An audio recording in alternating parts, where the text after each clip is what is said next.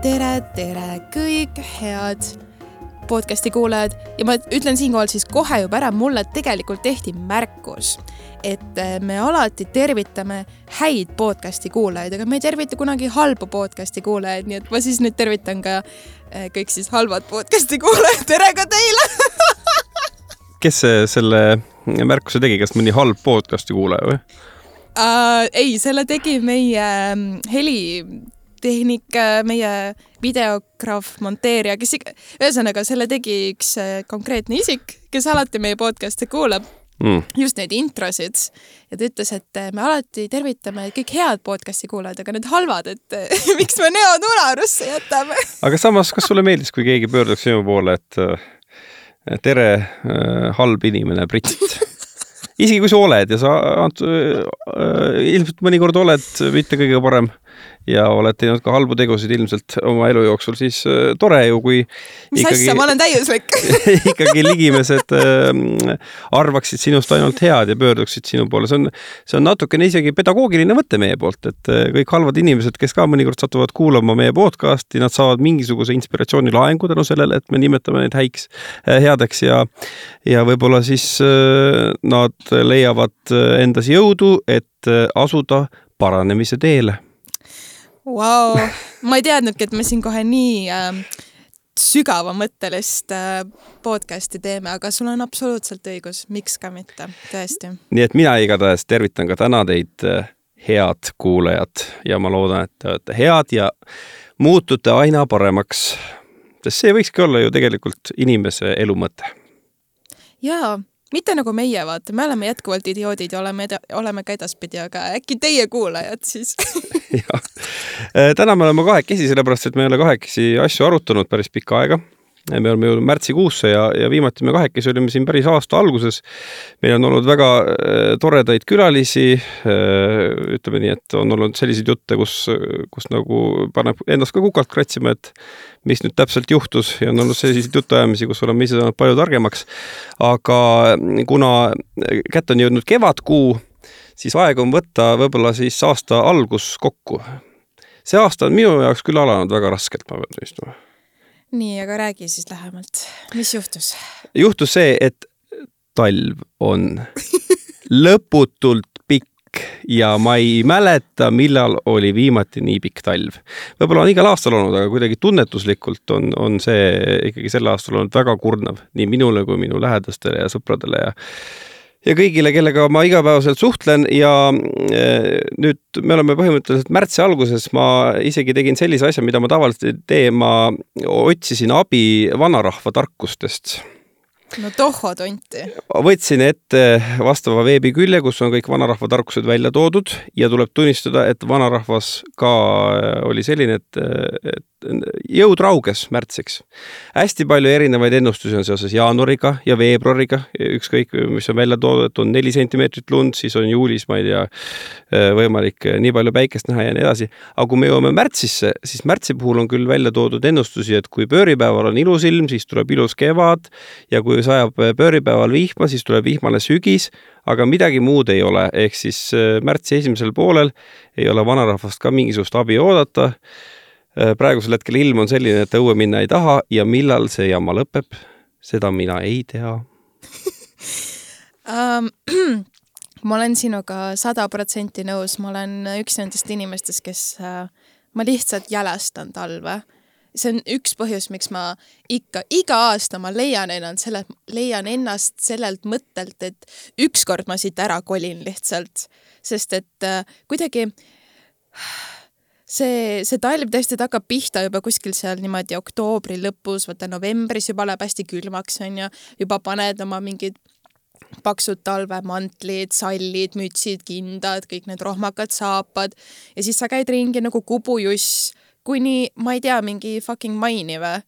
mul on niisugune tunne, et kuidagi see talv ja see külm ja rõske ja see rõve äh, periood on nii suur osa sellest kaheteistkümnest kuust, et see on ridiculous.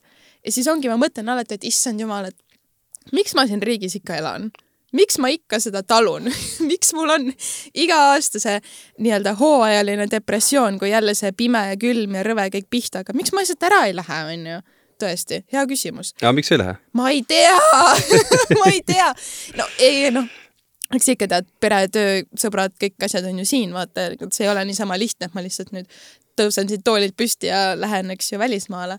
aga ei no tõesti, ma ei tea, see on nagu iga aasta kuidagi see, see hitib jälle lihtsalt, et kui vastik see aeg päriselt on kuidas see mulle absoluutselt ei meeldi, kuidas mul on, ongi täpselt, märts on käes ja mul on nii sita siiber, et ma pean iga hommik ennast mässima mingi tuhande kihi sisse, kandma umbes mingeid saapaid, mis on ebamugavad, kui ma tahaks lihtsalt käia, ma ei tea, tossude, kleitide, seelikute, õhukeste jakkidega ja olla nagu ilus, onju. ei, ma pean välja nägema nagu mingi baabuška sest mul on nii külm mm. -hmm. kuigi samas sellel aastal tegelikult ei ole ju eriti neid krõbedaid külmakraade olnudki noh, miinus kahtekümmend või midagi. no ei ole olnud jah. olnud. ja, ja kusjuures isegi mind võib-olla ei häiriks, kui tuleks miinus kakskümmend ja äh, oleks selline krõbe. aga mind kõige rohkem selle aasta puhul häirib see, et, äh, et igal õhtul sa lähed magama ja sul on umbes mingi, mingisugune ettekujutus, milline ilm väljas on ja hommikul on täiesti kardinaalselt teine, ehk kui õhtul ongi selline talv, siis hommikul võib olla täiesti plöga ja sula või siis järgmisel õhtul on kõik ilusasti lumest puhas ja hommikul on viisteist sentimeetrit lund mm. -hmm. ja kuidagi sellist asja, et ühe nädala jooksul on seitse erinevat talve, ma tõesti ei mäleta lähiminevikust ja see läheb nädalast nädalasse mm. -hmm. ja mul on olnud ka paar korda seda, kus ma ei, ma ei viitsi tavaliselt seda ilmaennustust nagu väga ette vaadata, et ma noh, iga õhtu niimoodi mõtlen umbes välja, okei okay,, mis ma homme selga panen ja siis ärkan alla hommikul ja vaatan, et ahaa, täna on miinus kaheksa, aga eile oli pluss neli, onju. okei okay,, et siis minu eilne riietus, mis ma välja valisin, täna, siis mul hakkab külm sellega siis ongi see lõputu otsustamine ja lihtsalt, et pidevalt on nagu vaja kohaneda jälle sest mm -hmm. nüüd on jälle mingi teine ilm. aa, näe, talv tuli tagasi, vahepeal tundus, et hakkab kevad juba tulema, onju. see kevad ei tule niipea. no talvega seoses on äh, palju erinevaid elemente ka, mis, äh, mis on idiootsused ja mis väga häirivad. üks asi on see, et äh, et vähemalt Tallinnas on endiselt väga suuri probleeme tänavate puhastamisega. kuidas nendes piirkondades on, kus sina tavaliselt liigud? oi, oi, jumal Jeesus ähm, no ütleme nii, et see, kus, kus mina elan ähm,, no ega kuigi mulle tundub, et see on igal pool suht nii, aga ega kedagi see jalakäija eriti ei koti. peamine, et autotee oleks puhas, see on oluline, aga jalakäija, no sina võid küll nagu noh, minna sinna, kus päike ei paista. mul on väga tihti olnud neid olukordi, kus äh, jalakäijate tee, kogu see sopp ja see lumi ongi lükatud jalakäijate nagu teele. Ja siis jalakäijatele on jäetud umbes mingi piisikene riba niimoodi, mis läheb mööda umbes maja äärt. nii et sa hiilid siis seal niimoodi nagu vaikselt üritad seal kuidagi komberdada, samal ajal muretsed, et äkki kukub kuskilt mõni jääpurikas mulle ka veel pähe, onju, sest et ma olen nii lähedal sellele maja seinale. Ehm, ja siis mu lemmikud on need, kuidas, vaata minu maja vastas on sihuke hiiglaslik parkla noh, tühermaa siis põhimõtteliselt on ju, ütleme nii. ja on olnud väga mitu juhust, kus äh, seda tullakse keset ööd puhastama siis. noh, sõna otseses mõttes mingi trakats tuleb, laseb seal öösel lihtsalt seal parklas ringi niimoodi lükkab seda lund kokku. ja siis ma mõtlen, et hmm, et huvitav, et miks on seda vaja teha pühapäeva öösel, et pühapäeval keegi ei pargi siin, et sa oleks võinud ju ka päeval seda teha. aga ei, ega linnavalitsust ju ei huvita, et mina tahan magada. parkla peab puhas olema et äh, jah ei, ei ole erilist rõõmu ka selles osas. no ja lumekoristus vist peamiselt jah, toimub tõesti öösel tõesti, sest et siis umbes autod vist ei liigu, vaata jälle jumala eest, et me nendele autojuhtidele ette jääme. no aga samas, kui ikkagi hommikul kell kaheksa hakkaks see pull pihta, mõtle, mis siis saaks? liiklus oleks täielikus kaoses, mitte et see liiklus nagu nii, niikuinii kaoses ei ole, aga aga jah, kusjuures sügisel ju toimus Kalamajas ka suur liiklusreform ja Toompuiesteel ehk siis Balti jaama läheduses tehti üks sõidurada äh, Äh, siis jalgrattateeks just enne talve algust ja selle poole aasta jooksul olen ma näinud seal äh, ühte jalakäijat ja siis ma olen ise ka korra kasutanud seda jalgrattateed, et, et jala minna koju.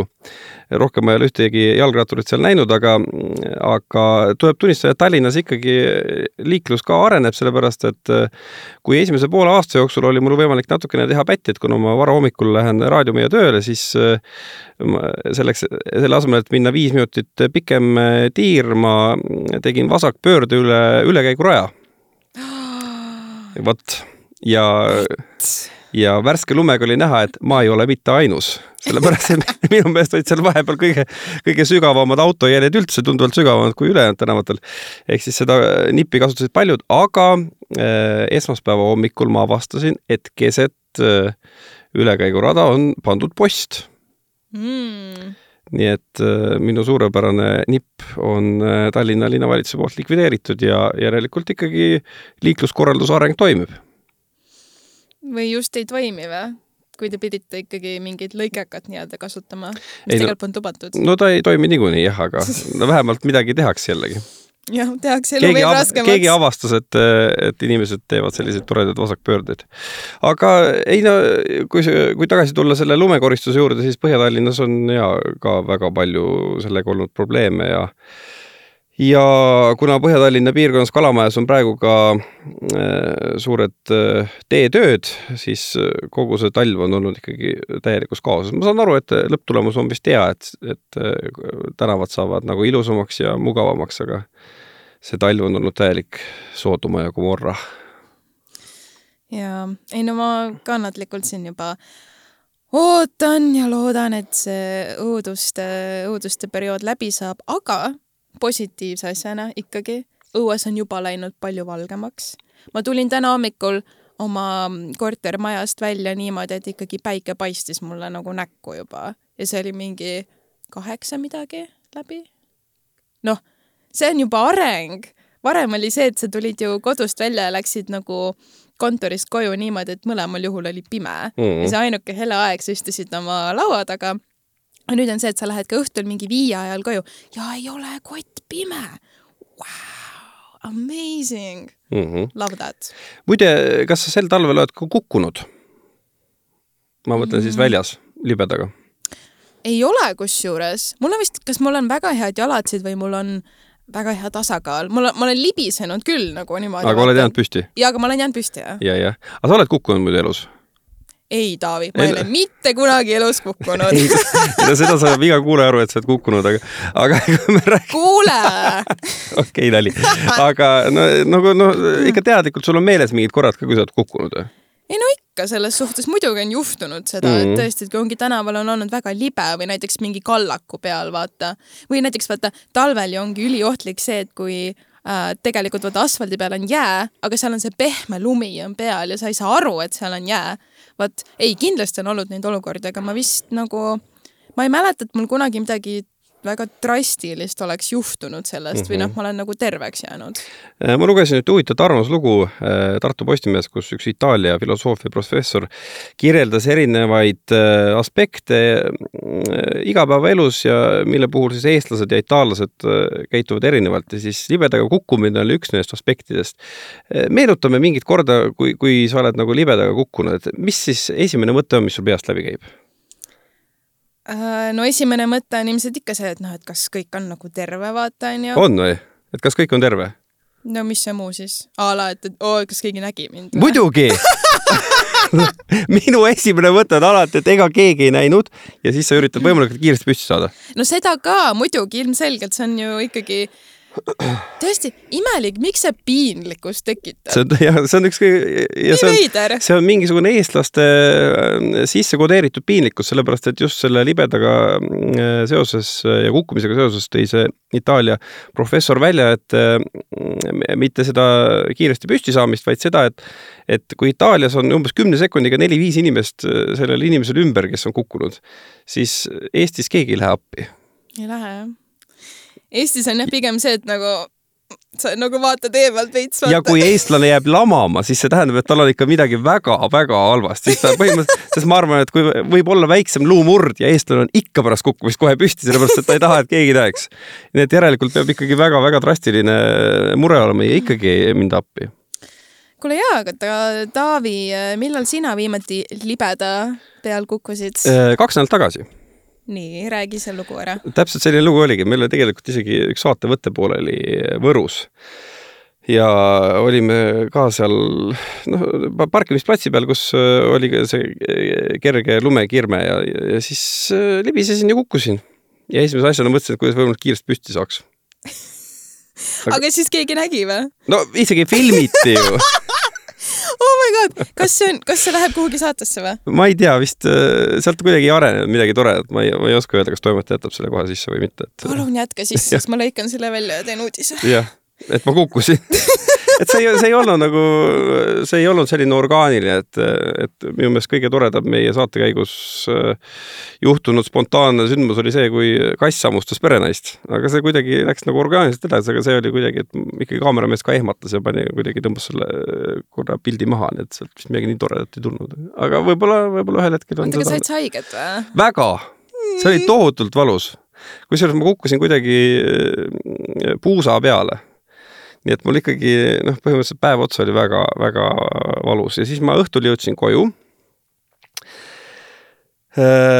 mul oli juba, oli väga valus ma olin väga väsinud ja siis ma pidin minema äh, õhtul äh, veel sünnipäevale Mm. ja ma tundsin, ma olen väsinud, et mu keha on valus ja siis äh, ma ikkagi mõtlesin, ma pean minema ja siis ma läksin välja, ma umbes sada meetrit kõndisin ja ma tundsin, et mul on nii tohutult külm, et ma ikkagi ei viitsi minna.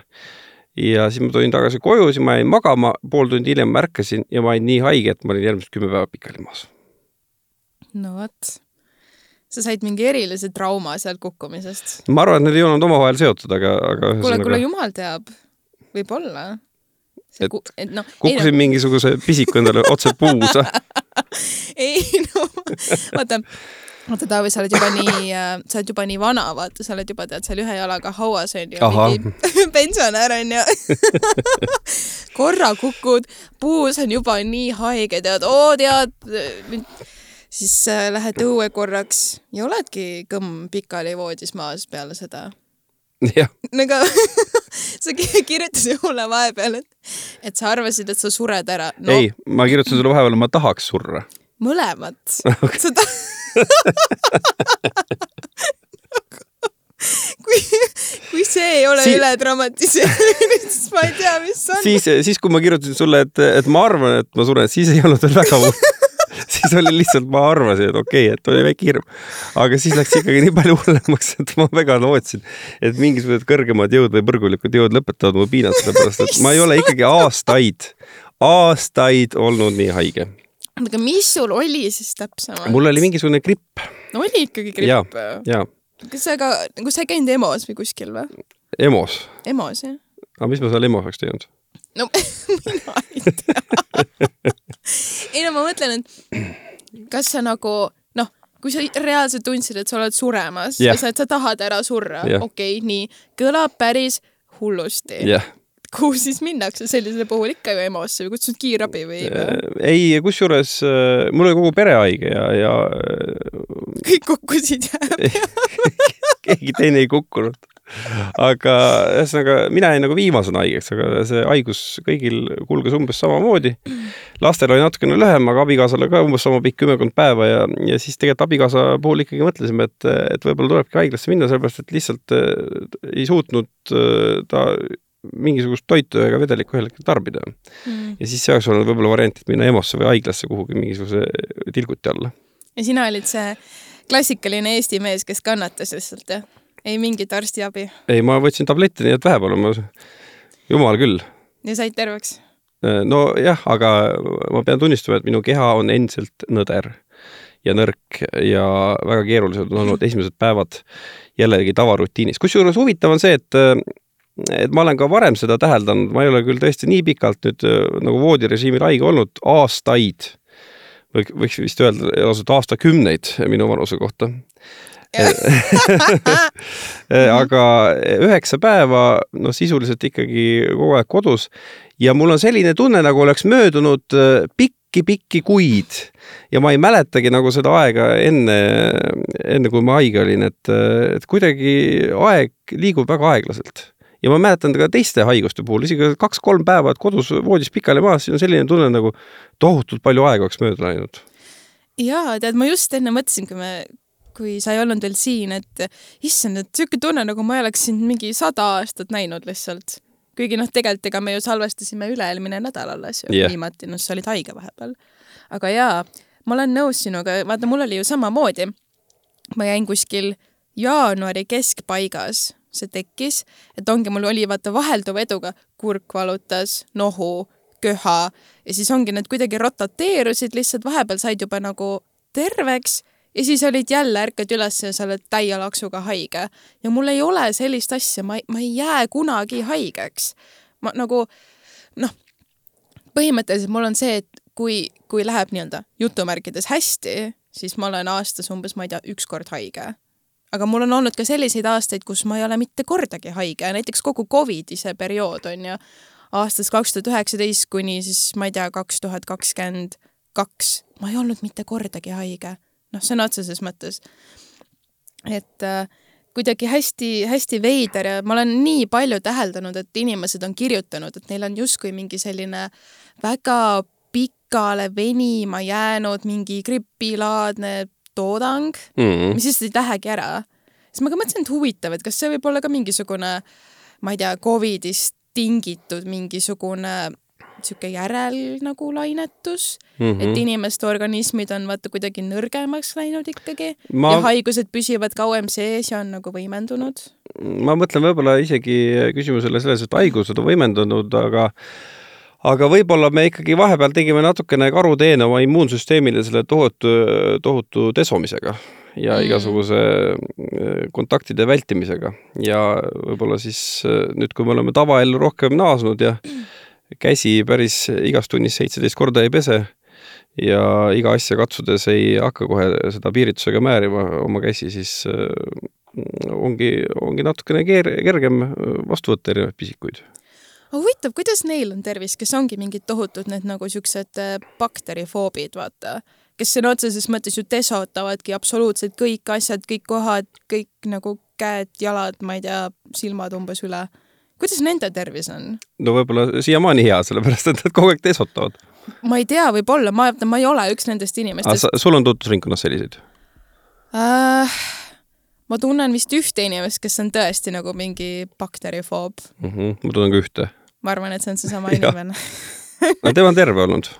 vahepeal oli korra, vahepeal oli vist korra haige, aga mitte midagi tõsist.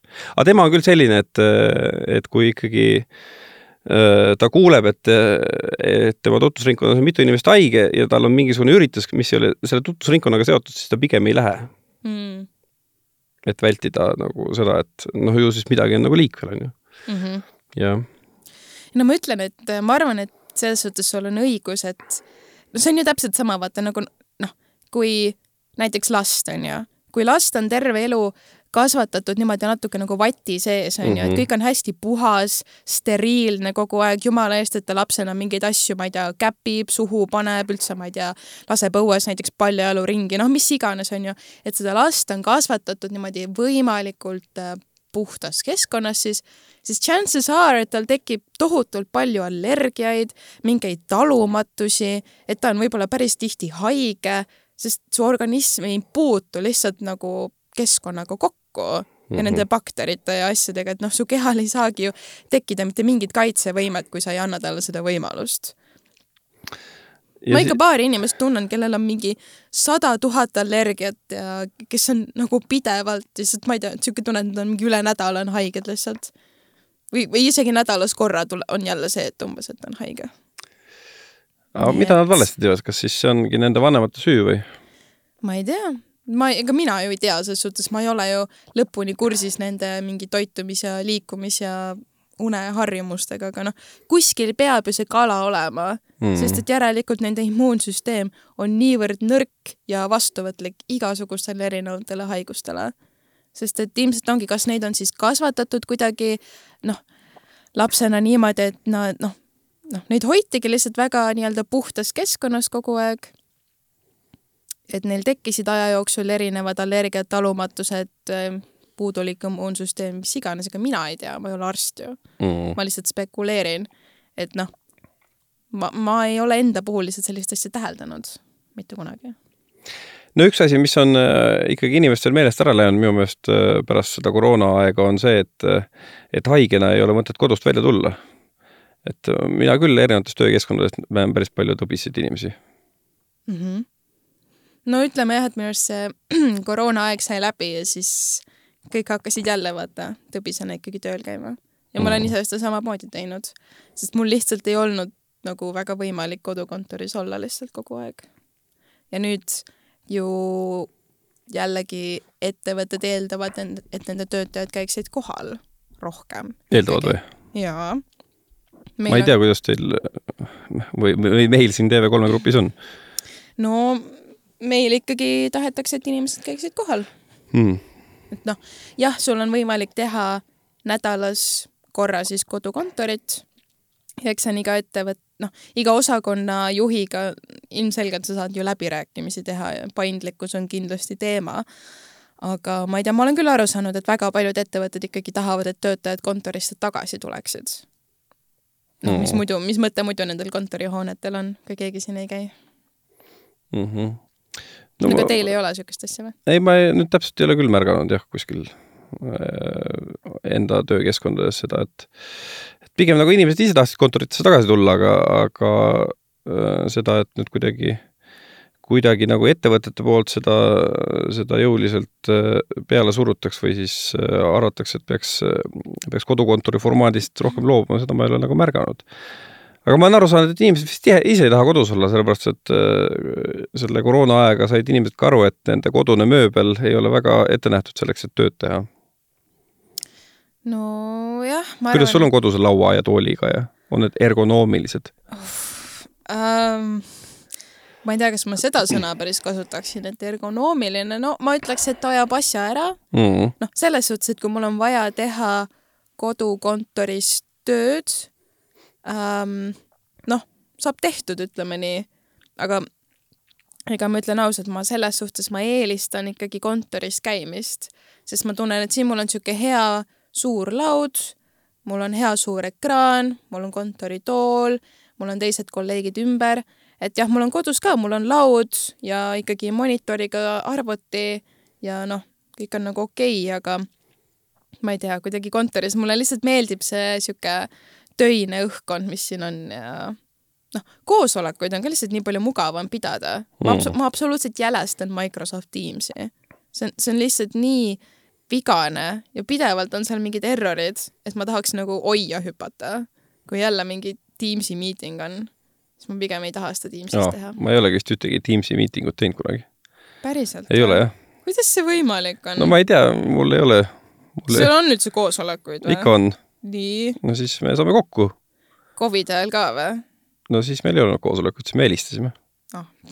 aga ei, Zoom oli ju. no sama asi. ei ole ju sama, üks on Teams ja teine on Zoom. Zoomi koosolekuid ikka oli. no ma mõtlen lihtsalt üleüldse kõik siuksed videokoosolekud, et need on nii tüütud lihtsalt ja, ja nagu jätkuvalt vaata on tihti see, et aa, sa oled mute'i peal, kas sa kuuled mind, ei, ma ei kuule sind, onju. ja siis on see kõne kvaliteet on mingi sitt ja hakib ja siis ja, inimesed räägivad nagu mit-, noh, mitu inimest räägib samal ajal, vaata. et kõik need asjad, mis ähm, tavalise koosoleku puhul jääksid olemata mm. -hmm. näiteks meil just eile või noh, meil on nüüd mitu korda juhtunud seda, et tahame teha koosolekut Teamsis, sest noh, kedagi füüsiliselt ei ole koha peal. Ja siis hakkab pihta mingi kümme minutit lihtsalt läheb selle peale, et nagu üks ei kuule ühte, teine ei kuule teist, siis ei tööta mingi kaamera, siis ei tööta mikrofon, siis see kõne hakib. Ja sa lihtsalt istud seal ja mõtled nagu, et oh my god, nagu ma ei suuda. Mm. Aga kas nendega ei ole niimoodi, et noh, vähemalt mina oma Zoomi kogemuste põhjal ütlen, et et, et kuidagi noh, kõik need tehnilised errorid välja arvata, aga kuidagi see distsiplineerib, et et inimesed ikkagi rääkisid tööjutud ära. mind kõige rohkem häirib koosolekute juures see, et kui koosolek hakkab pihta, siis esimesed kakskümmend minutit kõige jutukam tegelane lihtsalt ajab mingit isiklikku möla mm. -hmm. ja siis on kõik juba nii väsinud, et äh, ei jaksa asjast niikuinii rääkida, mis tähendab, et järgmised kakskümmend minutit ta räägib veel isiklikku möla ja siis saab koosolek läbi. ja mulle ka sellised koosolekud käivad eriliselt närvidele, kus äh, mingid inimesed lihtsalt pläkutavad, noh, suvalisel teemal, vaata mm, mis tegelikult ei puutu asjasse, mis ei ole selle koosoleku nagu talking point. et ma saan aru, et noh, tihti juhtub see, et vaata, sa hakkad mingist asjast rääkima ja siis see inimene, tal tekib mingi mõte seoses selle teemaga ja siis ta läheb sinna radadele rändama ja seal siis seal nagu mingi ah, can we get back to the meeting onju, et noh, et ma nagu niigi ma kohati tunnen, et mõned koosolekud võiksid olla lihtsalt emailid või noh, ongi mingi kiire emaili vahetus ja asi on korras. me ei pea siin koos istuma selle jaoks ja lihtsalt nagu jaurama mm. -hmm. et ähm, koosolekuid võiks lihtsalt olla vähem in yeah. general, sest minul äh, tekib see efekt, et ma tunnen, et ma ei jõua oma muid kohustusi ära täita, sest ma olen koosolekutel pidevalt ja vahel vaata ongi, et sul on, ma ei tea, päevas mingi kolm-neli koosolekut, mis on kõik umbes tund aega, no sul on pool tööpäeva läinud põhimõtteliselt mm. -hmm. ja siis sa pead ülejäänud poole tööpäevaga siis nagu jõudma kõik need asjad justkui ära teha, mis sul on vaja teha, onju. ja siis noh, ongi, tekivadki mingid ületunnid ja asjad, et noh, kellele seda vaja on mm? -hmm aga see koosolekute kultus on nagu kummaline küll, jah. eestlastele jubedalt meeldib. tohutult meeldib jah, ja alati on keegi, kes on väga jutukas, et äh, just äh, mõni nädal tagasi kolleeg rääkis, et ta peab äh, meie ülemusega ühes teises meediamajas siis minema rääkima ja siis äh, talle ka ei meeldi üldse koosolekud minu kolleegile ja, ja siis ma juba tundsin talle ette kaasa ja siis järgmisel päeval ma küsin, et kuidas läks. ei, me leppisime uue koosoleku, sest sellel koosolekul ülemus ainult rääkis enda asjadest noh, ma ütlen, täitsa õudne lihtsalt, et kuidagi ma tunnen, et seda efektiivsust peaks kuidagi tõstma mm. -hmm. et äh, ma olen ise hästi efektiivne inimene, mulle, mulle tõesti, mulle ei meeldi nagu aega raisata, niisama kuskil mingi molutada, lihtsalt tead siin kohvinurgas ajame juttu umbes onju, see on kõik väga tore ja vahel ilmselgelt noh, vajalik, et sotsialiseeruda. aga ma räägin jällegi, siis ma vaatan nagu, et aeg kulub lihtsalt mingisuguse mõttetu tühja tähe peale, samal ajal mul on kuklas need tegevused, mis mul on vaja ära teha, onju. Ja siis ma olengi nagu, vaatad kella ja tahaks nagu jubedalt minna tagasi sinna laua taha neid asju tegema, sest et noh, peab. aga jah, ma ütlen kuidagi neid inimesi, kellele meeldib tohutult jutustada, on lihtsalt väga palju. jah, inimesed võiks olla üldiselt rohkem vait ütlevad kaks tüüpi, kes on lihtsalt mingi kaua me nüüd siin juba jahunud oleme, onju. aga äh, ma pean rääkima ühest ülemusest, kellele meeldisid ka väga koosolekud ja talle meeldis teha neid, mis see on, arenguvestlusi. aa, mul isiklikud täielikud lemmikud. on jah, kui pikad need tavaliselt on sul? oi jumal, ei, neid ei ole üldse nii tihti, ma arvan, et meil on äkki aastas võib-olla ühe korra mingi no, sihuke vestlus. ja kui pikk see on umbes siis? ma ei tea, eks see oleneb, oleneb, kui tihti sa neid teed ja oleneb, kui paljust on rääkida. kas mõni on olnud kolm ja pool tundi ka? ei mul oli selline ülemus, kelle kõik arenguvestlused olid umbes kolm ja pool tundi issand igal aastal jumal. korra, jaa. Oh my god. ja ma mäletan eriti ühte arenguvestlust, kus äh, umbes no ma ei tea, mulle tundus, et tunde, ilmselt võib-olla pool tundi äh,, siis minu ülemus, toonane ülemus õpetas mulle äh, sellist imelist tehnoloogilist saavutust, et kui Netflixis üks sari nagu episood ära lõpeb siis on võimalik panna järgmine episood kohe mängima, ilma et need lõputiitrid tulevad. et sa vajutad lihtsalt nuppu next episode yeah. või? ta näitas mulle seda. ahaa, et see oli osa teie arenguvestlusest? jah kuidas te jõudsite selleni? ma ei mäleta. aga ma mäletan selliseid kolme ja poole tunniseid arenguvestlusi päris palju, jah mm.. no vot, ma ütlen, see, see tundub nagu eepiline ajaraisk lihtsalt. milleks? Nagu kellele seda vaja on mm.. lihtsalt kolm ja pool tundi jahuda nagu, ma ei tea, millest siis. või kas see on see, et see inimene on tegelikult mingi super üksildane ja ta lihtsalt tahab jubedalt oma kolleegidega rääkida, sest et te olete nagu sundolukorras, vaata, te ei saa ära minna. no see on küll jah, täitsa variant jah, et et ikka ju, eks eakamad inimesed tahavad ka seetõttu väga palju suhelda, et neil ei ole nagu väga kellegagi rääkida ja siis ma hakkasin just mõtlema, et jube naljakas, et eestlased, kes on ju nii siuksed eraklikud ja umbes kinnised ja antisotsiaalsed ja ära jumala eest minuga räägi mm. -hmm. aga tahavad jubedalt koosolekuid teha, et kas see ongi siis see kompenseerimine, et see social need ikkagi on mm -hmm. ja seda on vaja täita, aga jumala eest ma ei taha ju võõrastega rääkida, et ma räägin siis nende inimestega, keda ma justkui tunnen, samas noh, ei tunne ka, vaata, ja siis sa saad oma selle vajaduse nagu rahuldatud. näiteks. kusjuures see võib täitsa tõsi olla, jah et see on meil mingisugune selline alateadlik äh, kompenseerimismehhanism.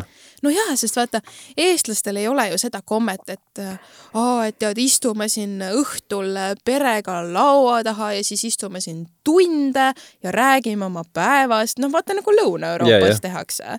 eks ju, prantslased sõna otseses mõttes söövad õhtusööki noh, tunde, lihtsalt istuvad laua taga ja pläkutavad, noh, räägivad oma päevast aga vaata, eestlastel ei ole seda kommet, tuled sinna koju, siis jälle kuidagi võib-olla ütled seal oma elukaaslasele midagi, võib-olla ütled lapsele ka mingi paar sõna ja siis jälle kuidagi natuke sihuke endasse tõmbumine, noh, hea, hästi läheb, kui oma päevast umbes räägid, eks ju mm., kuidas sul täna läks.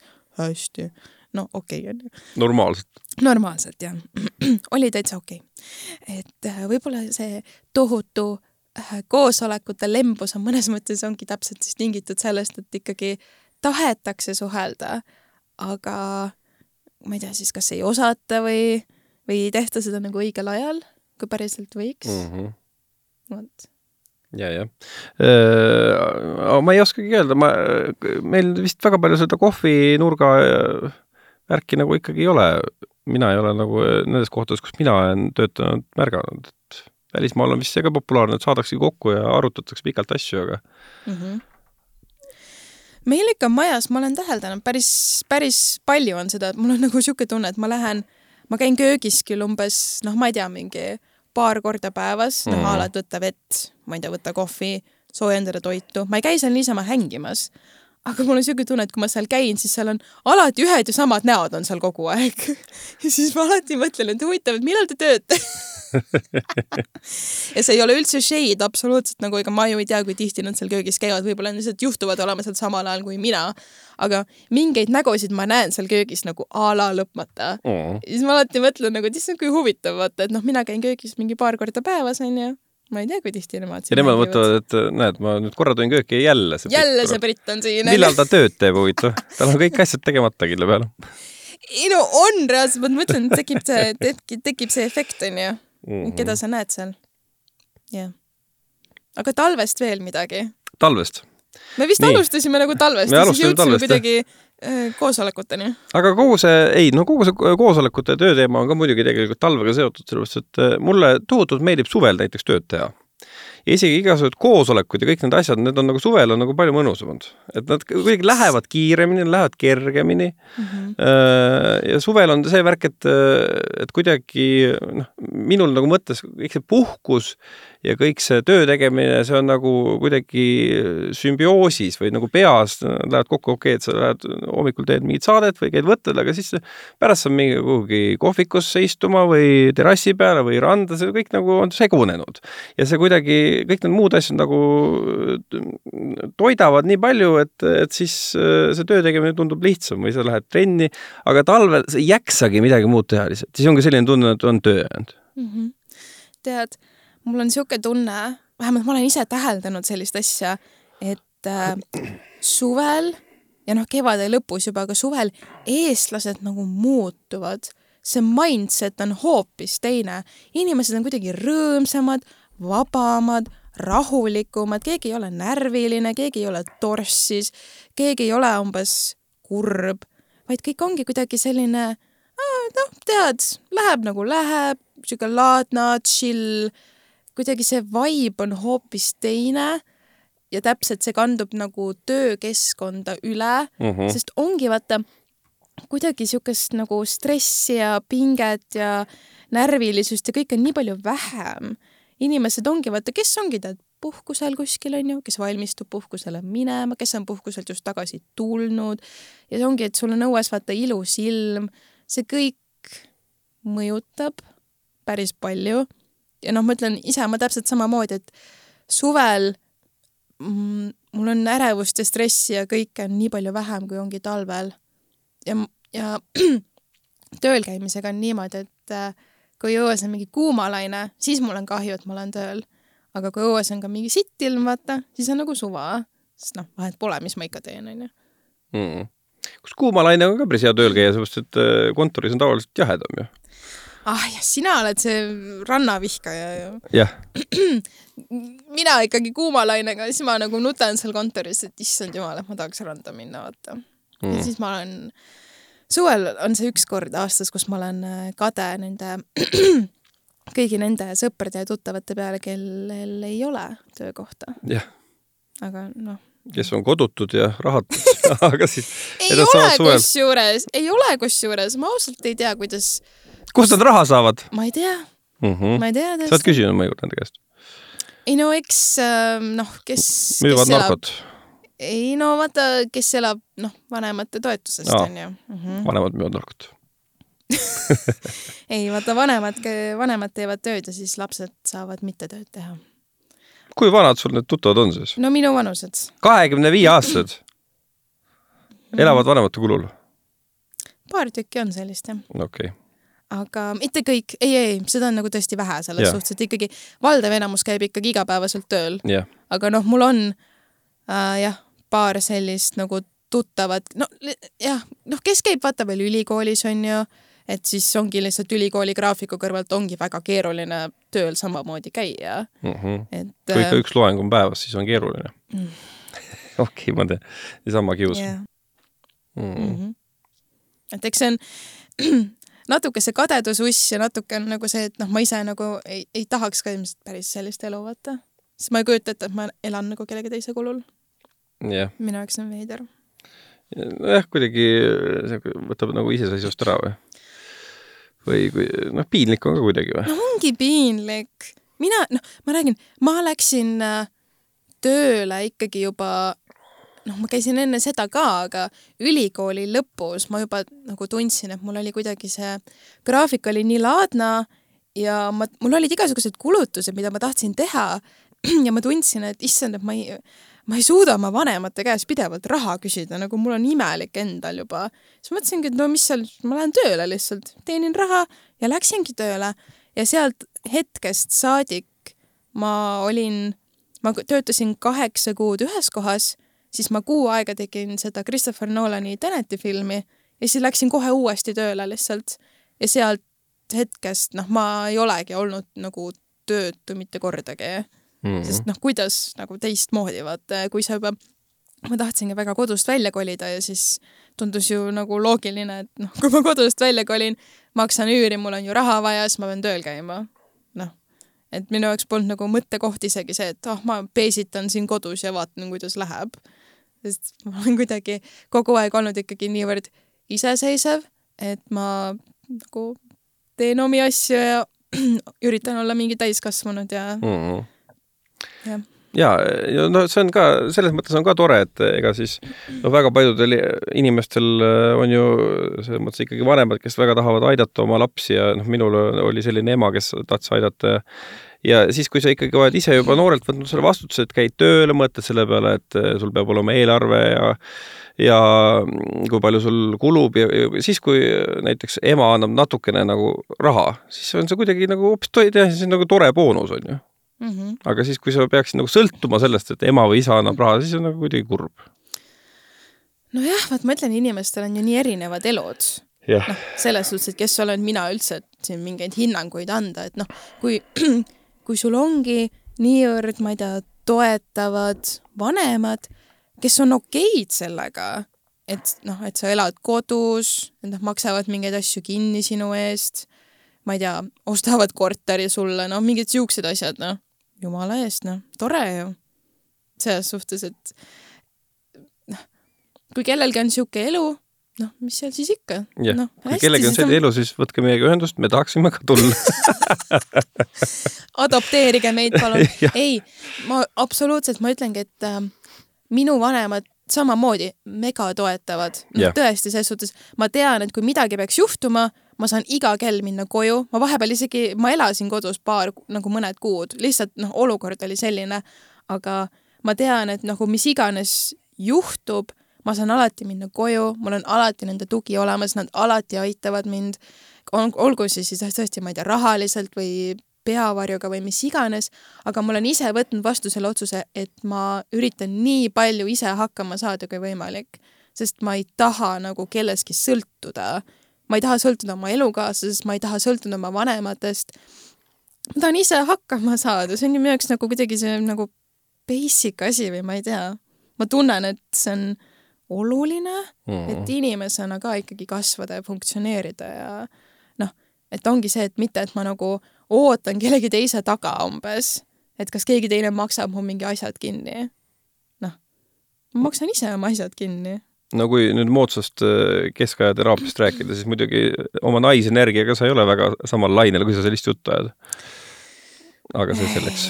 oi jah, need nais- ja meesenergiad. see on, äh, see on lihtsalt, äh, see on otseses mõttes, see on nagu mingi moodsa aja soorollid lihtsalt kas põhimõtteliselt on ju, need siuksed soolised stereotüübid, et äh, naine, ole kodus, ära tee mitte midagi, ole, ole õrn ja ole haavatav ja las see mees olla see tugev ja las see mees otsustab ja las see mees teeb ja et noh, et ikka sa pead laskma mehel neid asju teha.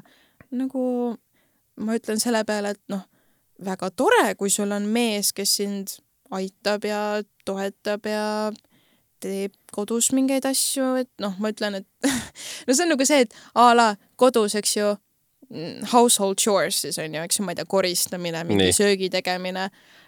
ma tunnen, et äh, mõlemad inimesed, noh, mees ja naine peaksid mõlemad oskama süüa teha ja koristada ja no et see ei ole see, et a la üks ainult teeb ja teine mm. ei tee mitte midagi.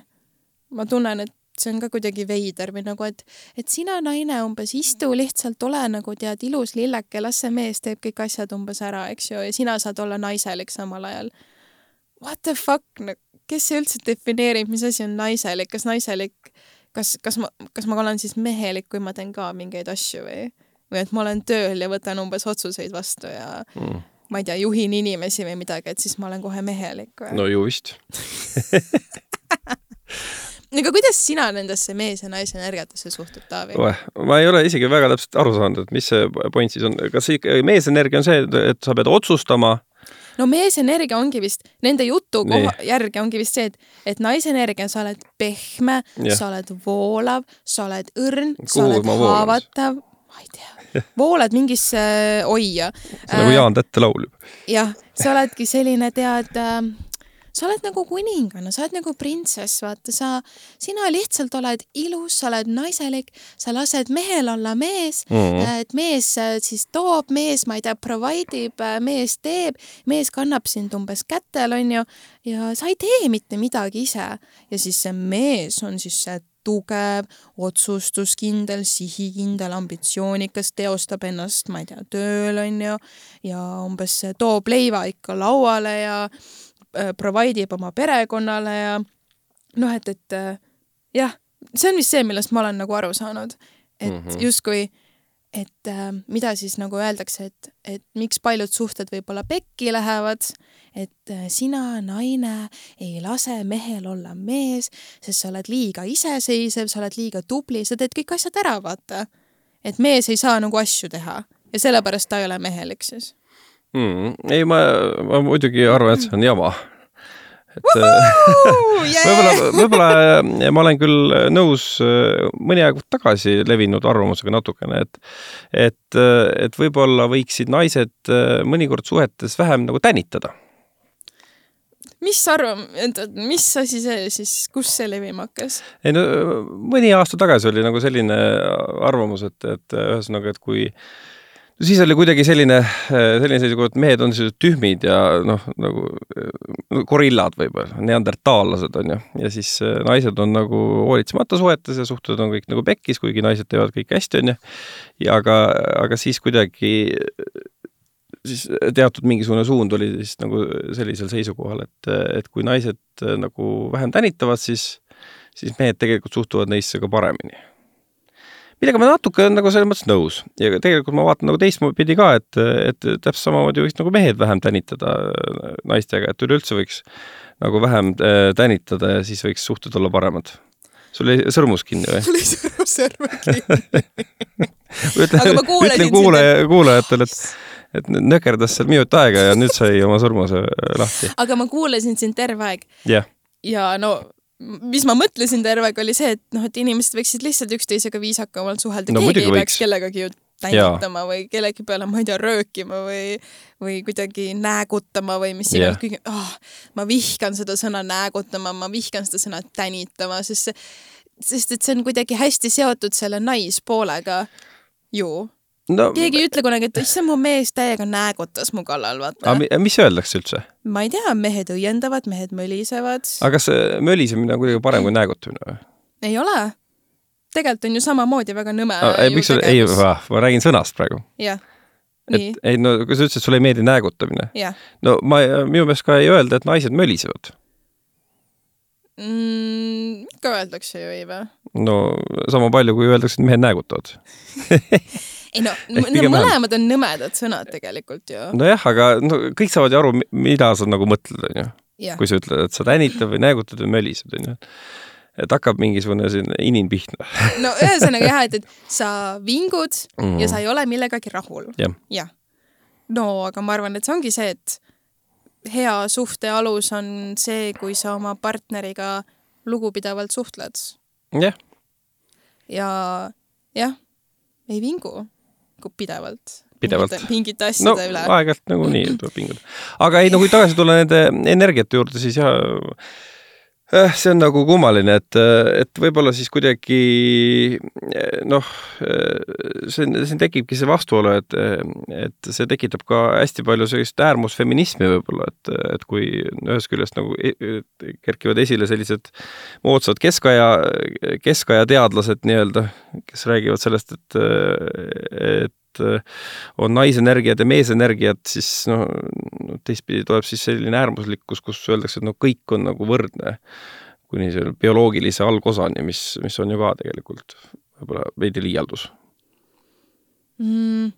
no mõtleme ka, mõtleme kasvõi seda, on ju, et, et äh, hästi palju räägitakse sellest, et, et äh, või mitte ei räägita, vaid see on nagu fakt, et, et tüdrukud arenevad kiiremini kui poisid. nii, nii, ja, ja siis noh, kas või äh, sel kevadel ju seal laseris kerkis see teema üles, et et äh, noormehed kuidagi ei tegele sellega, et koolis saada tarkusi, vaid on leidnud mingisuguseid troppe kuskilt sotsiaalmeediast, eks. mm. -hmm. aga äh, noh, võib-olla siis äh, teatud probleem on ka selles, et haridussüsteem on natuke siis nende edasiarenenud äh, naiste või siis tütarlaste suunas kaldu ja siis need noormehed nagu tunnevad, et nad on nagu kõrvale jäetud, nad ongi nagu rumalamad, nad ongi nagu vähem arenenud ja nad leiavad siis võib-olla siis enda eeskujusid ja mõttekaaslasi sotsiaalmeedias, kes ei pruugi sugugi väga nagu targad olla. Mm -hmm. aga no see nagu taandub ka sellele, et võib-olla nagu ei saa nagu kõike vaadata võrdselt, vaid tuleb nagu vaadata nagu erinevate noh, igade ja perioodide sisse ja ikkagi leida neid erinevusi ka nagu sugude vahel. mm.. no see on, see on ka päris nagu keeruline või kuidagi ma tunnen, et nagu ma usun seda, et noh, mehed ja naised on võrdsed. mida see tähendab, on see, et kõiki inimesi olenemata soost, on ju, ma ei tea, rahvusest, nahavärvist, noh, millest iganes vanusest, noh, kõiki inimesi võiks ju kohelda võrdselt. Mm -hmm. aga jah, ilmselgelt bioloogiliselt me ei ole võrdsed. noh, see on täiesti nagu, see on loogiline ju, see on ju nagu arusaadav, et noh, et äh, sa ei saa jah, lõpuni nagu igas aspektis seda võrdusmärki tõmmata. aga jah, kuidagi ma ei tea, see kuidagi, kus, kus see nagu tekkis või no okei okay,, see on, see on olnud kogu aeg nii, et no mulle, mulle nagu võib-olla tundubki, et, et kui nagu kerkib esile selliseid absurdseid nais- ja meesenergia eraldusi, siis sellele vastukaaluks kerkib esile. ma olen muidu noh, tohutlikult igasuguse feministliku liikumise fänn ja feminism on äh, ajalooliselt ikkagi tähendanud võrdõiguslikkust äh, üleüldse ja on noh, väga palju seda ühiskonda muutnud noh, elamisväärsemaks meie, meie inimkonna mõtte suhtes, aga noh, see, see nagu toobki vastukaaluna nagu sellist äärmus, äärmusfeminismi, mis viib nagu noh, bioloogilisel tasandil kas siis võrdsuse otsimise või siis erinevuste kaotamiseni mm.? Äh, no ma arvan, et igasugune äärmuslikkus ei ole ju hea. no ei ole. noh, vahet pole, mis suunas selles suhtes, et öelda, et nagu ma ei tea, women are superior umbes või et men are superior või noh, mis iganes, et ma ei tea, white supremacy, eks ju. väga ingliskeelsed terminid, ma vabandan. aga noh, väita, et üleüldse, et keegi on kelleski parem tohutult nagu mingis asjas, et noh, muidugi ilmselgelt. Alati on keegi, kes on ju sinust parem mingis asjas. Yeah.. alati. aga noh, kuidagi ma ei tea. Ma ei oska üldse kuidagi midagi sellel nagu väga lisada, sest noh, ma tunnen, et ongi, et ma ei tea, just like kohtle inimesi nagu austusega ja ei ole, noh, kui sa viitasid sellele laseri saatele, noh, see Andrew Tate ja kõik, mida ta nagu väidab ja edastab, noh, see, see on mhm. lihtsalt katastroof mm. -hmm. aga pigem mul ongi lihtsalt kahju, et, et kuidagi, et see niivõrd levib või et üldse, et see mees ja naisenergia on nagu aa, ma lihtsalt tahaks nagu kahe käega peas kinni hoida ja karjuda, et miks või nagu, et kust see tulnud on? kas kõik need mingid moodsa aja toredad terapeudid käisid mingi ühe tüübi juures, kes neile seda õpetas ja nüüd nad kõik jahuvad sedasama juttu? no seal Osho akadeemias on väga paljud käinud. ei no ma mõtlengi, et tundub, et noh, et, et ongi, et kas kõik need mingid valgud ja ma ei tea, rootslased ja nad, kas nad kõik käisid ühes kohas või? ja siis õppisid sedasama mingit nagu sitta ja nüüd siis nagu levitavad seda igale poole mm.. ma lihtsalt, ma tunnen, see on nii ohtlik tegelikult. See on nii ohtlik väita selliseid asju, et ongi, et sina, naine, ole umbes selline, sina, mees, ole umbes selline ja siis teie suhe on harmooniline, onju. Mhm. no aga no see ei toimi nii vaid sinu suhe on harmooniline siis, kui sa oled oma partneriga kooskõlas igas aspektis ja nagu te austate teineteist ja ma ütlen, et kui sinu suhe toimib niimoodi, et äh, sa umbes istud seal, oled nagu ilus ja sinu mees noh, teebki kõik asjad sinu elus ära, no jumala eest, onju, tehke siis seda. aga väita, et see on umbes ainuõige lahendus või mudel, et muidu sinu suhe läheb pekki, vaata. kui mm. sina ei lase oma mehel olla mees, siis sinu suhe läheb pekki. no kuulge, lõpetage ära. Et kuidagi ma ei tea, sisendada nagu noortele tüdrukutele ja noortele meestele umbes, et noh, et, et te peate olema umbes, ma ei tea, jube mingi machod ja et jumala eest emotsioone ärge kunagi välja näidake ja noh, et kuidagi inimesi suruda mingitesse kastidesse, no ma ei tea, noh, milleks mm, -hmm. Mil, kellele seda vaja on oh, lihtsalt ole fucking normaalne inimene, kohtle teisi normaalselt ja austusega. kui, kui raske see saab olla? No vot, sa võiks nüüd ise ka hakata äh, tegema mingisuguseid kolmetunniseid ettekandeid. Sellise kahe mõtte pealt, mille saab ju ka väga pikalt laiendada, aga aga võib-olla jah, võib-olla jah, kuidagi äh, on see küsimus ikkagi selles, et infot on nagu nii palju, et, äh, et keegi nagu ei jaksa keegi ei jaksa nagu seda infot endasse piisavalt palju koguda ja siis noh, kõik need tegelased, kellest sa ka rääkisid ja neid tuhandeid veel, nad on need nii-öelda kogemusnõustajad ja vaata, kui sa, kui sa arvad, et sinu kogemus on universaalne ja üksi teine kogemus nagu maailmas ei toimi, siis ongi natuke nagu keskaega tagasiminek. No täiesti, ma ütlen, et mees ja naise energiat, sorry, aga see on täpselt see, mida mingid konservatiivid nagu rääkisid nendest soorollidest ja soo stereotüüpidest, see on lihtsalt teistmoodi sõnastatud. Mm.. nüüd on moodne vaata, et kõik on mingi energia ja mingisugune, ma ei tea, mis kuradi aura, tšakra, mingi bullshit onju mm.. et noh, see on täpselt seesama asi, lihtsalt äh, ilusamini siis välja öeldud. et ei ole umbes see, et äh, naine on kodus, kasvatab lapsi ja teeb süüa, vaid naine on haavatav ja ta on nõrk ja ta on omas elemendis äh,. lõpetage ära lihtsalt. no ühesõnaga jõudsime siis talve juurest selliste eksistentsiaalsete teemadeni, aga, aga head sõbrad, eks me ikkagi tahame teada, mida teie kõigest sellest arvate ja ja üleüldse, mis teid närvi ajab ja millest me võiksime veel oma podcast'i raames rääkida, sellepärast et varsti saab meil üks aasta täis ehk siis. ja täpselt kuu aja pärast no, saab võt, meil aasta aega täis. ehk siis äh, üsna palju idiootsust on nagu läbi hekseldatud juba, aga õnneks maailmas see otsa ei saa, nii et meie meiliaadressid on jätkuvalt samad, taavi.libe.tv3.ee või siis brit.suurraid.tv3.ee ja andke märku, kuidas teil läheb. jaa jällegi me kutsume julgelt üles saatma kirju, mõtteavaldusi, joonistusi. jaa, saatke joonistusi ja saatke meile 3D printeriga tehtud kujukesi, saatke meile mida iganes te tahate mm. -hmm. ja Brit ei ütle ära ka koera krõminatest nagu me teada saime ole vait, ma võtan selle siit välja lihtsalt, tuimalt võtan välja, sest see oli nii oh,, see oli halb. aga äh, see oli väga üks see oli üks väga laialivalguv podcast, aga vahet pole. see on meie podcast, nii et me võime teha mida iganes me tahame. ja väga tore, et praeguse hetkeni välja jõudsite koos meiega, et endiselt kuulate. me kohtume uuel nädalal ja siis on meil siin stuudios keegi kolmas ka. jah, loodame tõesti, et see keegi kolmas siin on kes julgeb, kes julgeb nii kummalise nimega podcast'i ikka külla tulla. aga jaa, davai, olge tublid, olge head või olge halvad, olge, mis te tahate aga kohelge teisi hästi. ja siis on ka kõik hästi olgu nii, tšau